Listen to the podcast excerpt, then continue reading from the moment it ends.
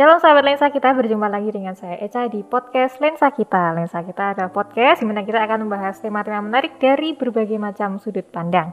Nah, di episode kali ini kita akan membahas tentang uh, bagaimana sih rasanya menjadi relawan terutama di situasi pandemi seperti sekarang ini. Nah, kita tahu nih sekarang Indonesia ini uh, bisa dibilang sudah masuk di dalam tahap gelombang kedua pandemi di mana kita tahu setiap hari kasus uh, warga yang ditemukan positif COVID itu semakin bertambah banyaknya uh, dari hari lepas hari gitu. Bahkan di hari ini pun sudah ada 500 ribuan kasus yang masih aktif. Nah, uh, kita tahu bahwa rumah sakit itu sudah mulai kesulitan untuk menangani warga yang terdampak oleh COVID ini. Dan bahkan ada beberapa orang yang terpaksa untuk melakukan isolasi mandiri di rumah mereka masing-masing maupun di fasilitas-fasilitas seperti hotel maupun Eh, tempat-tempat uh, yang disediakan oleh pemerintah maupun uh, lembaga mana pun gitu ya. Nah, dan tidak cuma pemerintah saja yang mem terus membantu warganya, tetapi kita sebagai sesama warga juga terus saling bahu membahu, saling membantu dengan menyediakan fasilitas-fasilitas untuk menunjang isolasi mandiri, bahkan juga uh, terhadap kita sesama warga, misalnya di lingkungan rumah gitu ya, kita menyediakan makan siang untuk uh, tetangga kita yang sedang isoman, bahkan untuk uh, sesama warga jemaat gereja juga kita melakukan saling bahu membahu, saling tolong menolong seperti itu. Nah, di sinilah peran para relawan ini uh, sangat diperlukan gitu ya, karena di situasi yang sudah semakin genting saat ini. Nah, di episode kali ini di studio kita sudah ada salah satu relawan dari GKMI Solo. Selamat datang Mbak Cahyo. Ya, terima kasih sudah diundang kembali. oh iya, yang kedua ya Pak ya? Iya. Tapi sendirian Pak? Gak berdua lagi. Nah kami dengar Pak Cahyo ini menjadi salah satu relawan yang membantu eh, orang-orang yang terpapar COVID ya Pak ya? Betul nggak Pak? Betul. Tuh.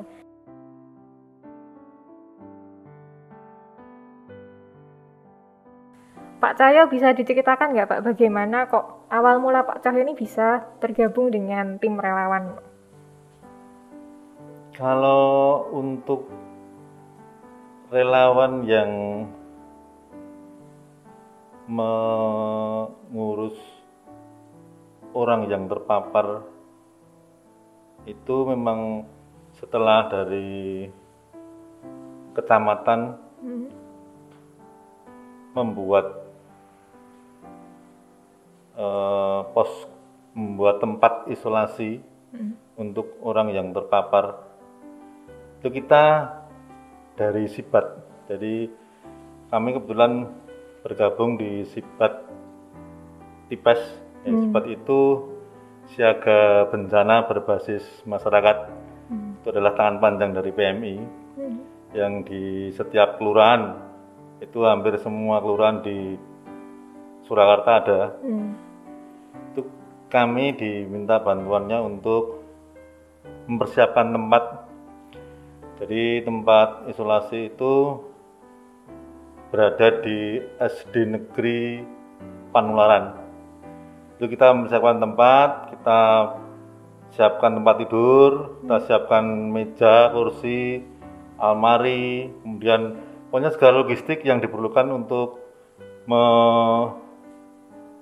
istilahnya ngopeni, ngopeni hmm, orang merawat. yang terpapar tadi, hmm. merawat orang yang terpapar tadi semaksimal yang sudah ya disetandarkan tempat isolasi yang sudah ada lah hmm. seperti di Donohudan itu kita standarkan tak sama kemudian kami juga diminta untuk menjaga di pos koisolasi itu 24 jam hmm. jadi tugas kami yaitu me melayani pasien. Pasien kebetulan itu kan ada makan siang, makan pagi, siang, malam. Kemudian kalau ada pengiriman obat dari puskesmas maupun dari keluarga, pengiriman makanan, hmm. ataupun kadang ada dari pihak pasien itu pesan makanan dari luar. Nah, kami yang eh, mengantarkan mengantarkan. Jadi eh, apa namanya dari pihak luar itu kita yang menyampaikan ke pasien, yaitu dengan prokes yang ketat juga. Hmm. Jadi tidak sembarangan orang boleh keluar masuk di zona merahnya itu. Hmm. Tentu ada dibagi dua, zona merah dan zona hijau. Kita sebenarnya berada di zona hijau. Cuman kalau kita mau ke zona merah, kita harus wajib pakai APD komplit. APD komplit. Itu. di Solo nih sekarang masih zona merah ya pak Ya, evaluasinya levelnya sih level 4 masih. oh masih pernah nggak Pak Cahyo apakah itu eh, setiap relawan tuh ditugaskan kamu ke zona hijau kamu ke zona merah atau bisa dipindah kapan aja gitu Pak Kalau kami yang di posko itu memang ketika di dalam itu ada permintaan apa pun Hmm. yang mengharuskan kita masuk, ya kita tetap masuk. Cuman harus pakai APD komplit. Hmm. Semisal juga setiap pagi itu ada yang membersihkan sampah. Kan tidak mungkin sampah itu gak ada yang bersihkan, tumpuk-tumpuk kan. Nah itu harus pakai APD komplit.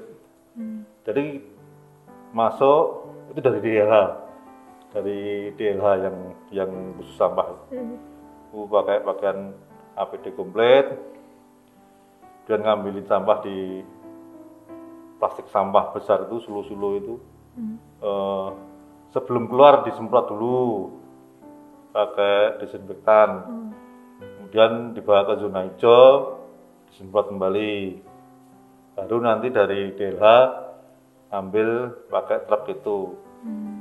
Untuk dibawa ke tempat pembuangan. Nah Pak Cahyo pernah masuk ke zona merah nggak Pak? Pernah sekali. Oh Pernah gimana sekali. tuh Pak? Itu ketika di ruang yang khusus wanita itu kehabisan galon. Air minum. Galon air minum ya kalau cewek-cewek kan mungkin tidak terlalu kuat, ya Kuat, untuk kan. mengangkat itu. Saya masuk untuk ganti galon. Pakai APD Pakai lengkap APD ya? komplit. dari atas sampai Iya. kaki. ya? Kayak teletabis dulu. Nah itu kalau ini kan dari Pak Cahyo. Saya mau tanya sedikit Pak. Kalau dari istri dan anak-anak ada ah, mungkin apa ya? Ada komentar nggak Pak? Ya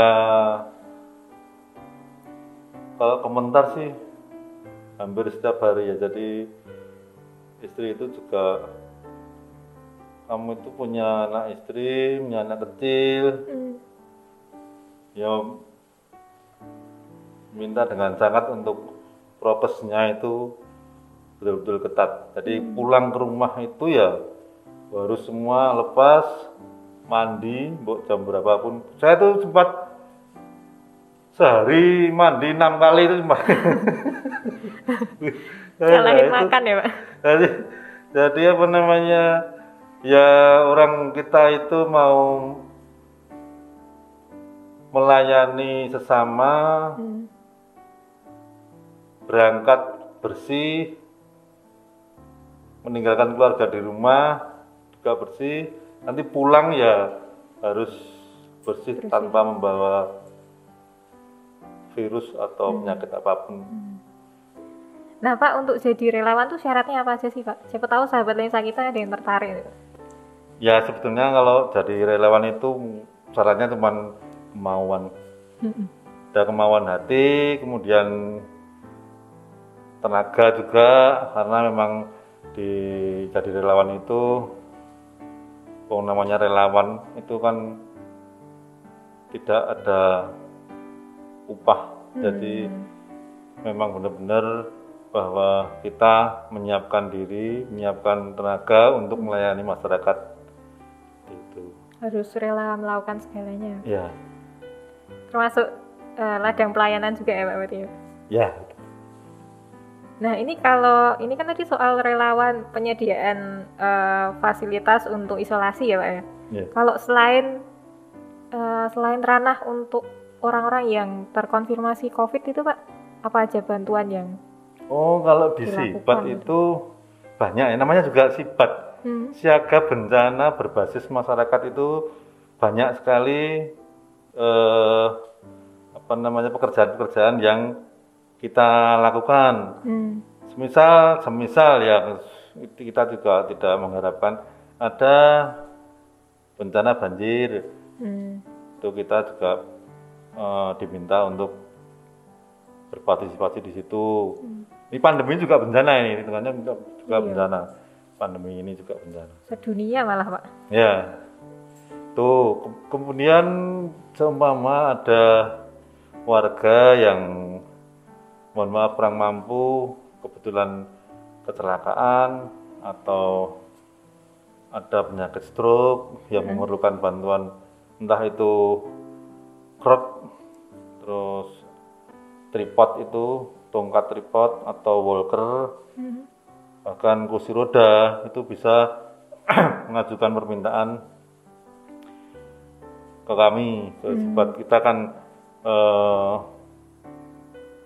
menemui yang mengajukan kita catat kita foto kita ajukan ke PMI nanti ya sekitar satu mingguan itu di ACC atau tidak nanti kita beritahu kalau di ACC berarti kita datang dengan bawa eh, perangkatnya Hmm.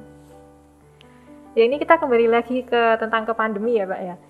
Menurut Pak Cahyo nih penyebab dan dampak dari terjadinya gelombang kedua COVID di Indonesia ini apa sih Pak? ya kami juga eh, prihatin juga Hmm. bahwa sampai saat ini pun masih banyak warga yang merasa bahwa virus corona itu hanya akal-akalan. Nah, itu yang saya paling prihatin. Jadi mereka merasa bahwa virus corona itu cuma rekayasa kemudian mereka tidak mematuhi protokol kesehatan nah itu yang paling penting. Mereka tidak mematuhi karena beranggapan seperti itu. Ada juga orang-orang yang imannya itu saya yakin tidak akan tertular karena menurut kepercayaan mereka. Hmm. jadi dengan dengan hal tersebut mereka akan melakukan eh, pertemuan yang banyak orang. Lah itu salah satu penyebab meluasnya virus corona. Apalagi yang gelombang kedua ini yang notabene berasal dari India ini sangat cepat penularannya itu yang sampai sekarang kami prihatin bahwa masih banyak yang eh, tidak mengindahkan protokol kesehatan. Hmm. Itu salah satu tantangan yang dialami ya Pak. Ada lagi nggak Pak? Ya paling karena mungkin ada juga warga yang sebetulnya percaya tapi karena kondisi ekonomi. Jadi ada kan warga yang kerjaan hari ini untuk makan hari ini. Nah itu Hmm. kalau tidak dijalankan ya tidak makan. Kalau dijalankan risikonya juga tertular itu. Lah itu juga termasuk salah satu penyebab merambahnya virus juga.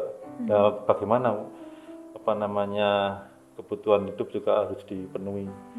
Tapi semisal mereka patuh dengan protokol kesehatan sih saya kira juga masih bisa dicegah karena memang dengan tujuan untuk menghidupi keluarga tetapi tidak patuh protokol lah itu yang yang saya sesalkan. Hmm. Saya tidak tidak apa namanya istilahnya tidak bisa melarang mereka mencari uh, apa namanya penghasilan. penghasilan tetapi jagalah kesehatan pribadi hmm. dan keluarga. Tuh. Tapi ada juga tuh pak orang-orang yang keluar prokesnya ketat tapi masih tertular gitu dalam prokes ketat saja tertular apalagi eh, tidak. Lah itu, itu. Nah, masalahnya itu. Jadi kayak uh, di kondisi kayak sekarang ini kalau misalnya sampai orang belum tertular itu adalah sebuah kayak keberuntungan itu rasanya satu keberuntungan hmm. dua imunnya kuat hmm. tiga ya memang dia betul-betul menjaga menjaga diri dari lingkungan hmm. jadi ya protokol kesehatan ketat sama orang tuh menjaga jarak benar-benar menjaga jarak tidak keluar rumah bisa ya pak bisa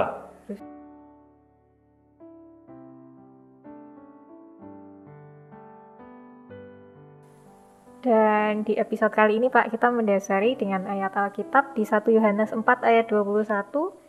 Dan perintah ini kita terima dari dia, Barang siapa mengasihi Allah, ia juga harus mengasihi saudaranya. Jadi mengasihi sama tuh keharusan banget ya, Pak.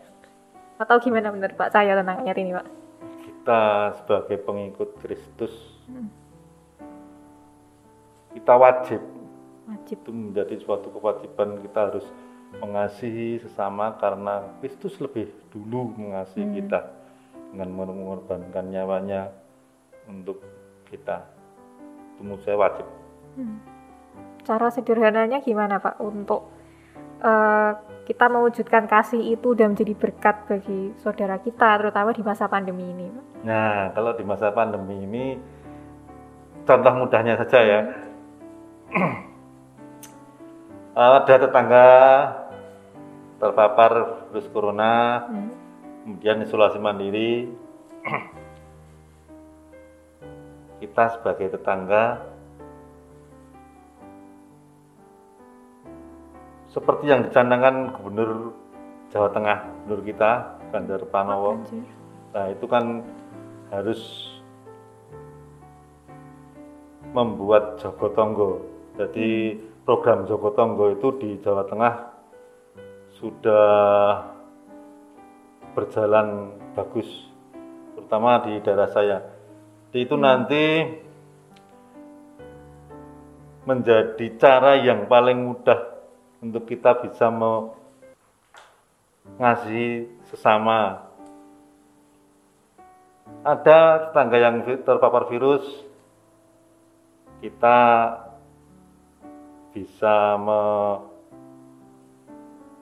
menyediakan makan entah itu makan pagi atau makan siang atau makan malam berapa hari. Kalau satu kampung itu saling membantu menjaga sesama warga, entah itu yang miskin, entah itu yang kaya, itu salah satu contoh bahwa kita itu mengasihi sesama. Hmm. Nah itu paling mudah itu dari harus hal, hal sederhana, hal gitu sederhana. ya kita tidak perlu harus 14 hari ngopeni tetangga enggak hmm. kan ada beberapa warga di Rembuk giliran giliran gitu ya? di tempat kami itu di RW 6 Tipas itu hmm. ada beberapa kali warga yang terpapar corona dan diisolasi di rumah hmm. itu kita kan ada grup RW itu begitu dikeluarkan statement bahwa si A kena sudah. Itu buat jadwal kira-kira 10 menit tidak ada lah. 14 hmm. hari itu siang malam pagi. Langsung penuh. Langsung cepet ya langsung penuh. Ini saya hari ini saya Iya. hari ini gitu. Kadang-kadang sampai tidak kebagian. Oh. Tidak kebagian. Dulu pernah saya tidak kebagian itu ya nah makan sudah ya tak buah. Weh buah. kan seperti itu bisa bisa selain makan pokok Hmm. atau kamu butuhnya apa? Butuh Kebetulan- mobil itu Pak. Minum aqua habis ya itu daripada cari-cari kan. Nah itu salah satu hal paling mudah bahwa kita juga ngasih men- mengasihi tetangga. Misalkan mengasihi sama itu menurut saya sih paling gampang contohnya Hmm. itu. jadi bukannya wah tetanggaku kena nih tak jauhi sih nah tapi itu. di malah malah mendatangi ya pak ya? Sampai saat ini masih banyak hmm. orang yang beranggapan bahwa virus corona itu sebuah aib. Oh, sebuah iya, aib. jadi di mana ada yang terpapar bukannya dibantu diberi motivasi diberi semangat bahkan diberi makanan tapi malah dijauhi. Tidak Hmm. boleh keluar rumah tapi ya kayak apa ya sudah no. Terus piye di rumah?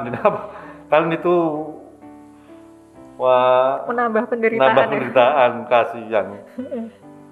Nah ini kan situasi sekarang kan uh, masih ada banyak orang nih Pak, bahkan sebagian ya ada satu kelompok lah di masyarakat kita terutama tuh yang masih alah COVID ini apa sih konspirasi, COVID ini tuh hoax. Kamu kalau ke rumah sakit nanti kamu di COVID kan. Nah orang-orang yang semacam itu Pak. Ya kan tadi kita sudah bahas di ayat Alkitab tuh kita harus uh, memberikan kasih kepada sesama tuh sebagai wujud kasih kita kepada Allah. Nah kalau untuk orang-orang yang seperti ini tuh cara mewujudkan kasih kita tuh seperti apa sih Pak? cukup mendoakan agar mereka itu tidak terpapar COVID. Amin. Itu Basic ya Pak. Selain itu sudah kalau sudah mempunyai pemikiran seperti itu susah sekali. Hmm. Kalau udah punya apa ya itu kayak suatu keyakinan gitu ya Pak ya, itu Iya. susah untuk untuk dibelokkan, untuk disadarkan gitu. Itu kayak min dan pes eh, nggak mungkin itu. Nah, kejar-kejaran nih. Tapi ini kemarin saya pernah dengar, Pak. Jadi eh, ini seorang bapak itu dia percaya tentang konspirasi COVID. Akhirnya dia terpapar COVID, tapi dia masih nggak percaya kalau wah nggak ini tuh sakit biasa. Sampai akhirnya keluarganya tuh udah Pak rumah sakit aja ini udah sampai megap-megap gitu kan. Bapaknya tetap nggak mau. Sampai akhirnya udah kritis baru akhirnya dia pasrah mau dibawa ke rumah sakit di rumah sakit langsung dinyatakan kalau bapak ini positif tapi akhirnya ketika di eh, dimintain apa ya persetujuan untuk ini nanti dirawat covid ini bapaknya tetap nggak mau. Akhirnya bapaknya berpulang dan yang paling menyesal itu adalah anaknya. Karena anaknya tahu kalau bapaknya ini percaya konspirasi kemudian dibilangin nggak mau nurut karena udah pegang teguh konspirasi itu akhirnya anaknya bisanya eh, cuman menyesal dan marah kepada orang-orang yang penyebar konspirasi itu. Makanya kita ya itu mendoakan supaya mereka itu tidak terkena virus dah itu aja. Termasuk yang menyebar konspirasi, Pak. Iya. Udah kita doakan saja semoga mereka tidak tertular. Iya.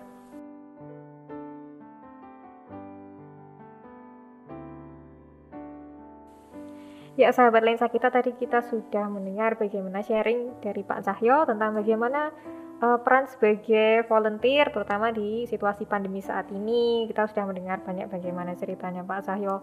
Bahkan eh, untuk eh, masuk ke zona merah ngangkat galon itu bahkan bagaimana kekhawatiran eh, di keluarganya ketika Pak Cahyo mengikuti program menjadi volunteer ini dan bagaimana sikap kita sebagai anak-anak Kristus, bagaimana kita mengasihi Allah dengan cara kita mengasihi sama kita dengan hal-hal sederhana seperti mengasihi tetangga kita yang misalnya terpapar oleh COVID. Dengan cara eh, memberikan makanan, memberikan asupan buah-buahan dan juga vitamin dan kita harus selalu berdoa dan tetap mendoakan orang-orang yang mungkin eh, masih uh, memiliki kesadaran rendah tentang protokol kesehatan. Bahkan eh, orang-orang yang masih percaya tentang konspirasi bahwa COVID itu adalah suatu hal yang tidak nyata.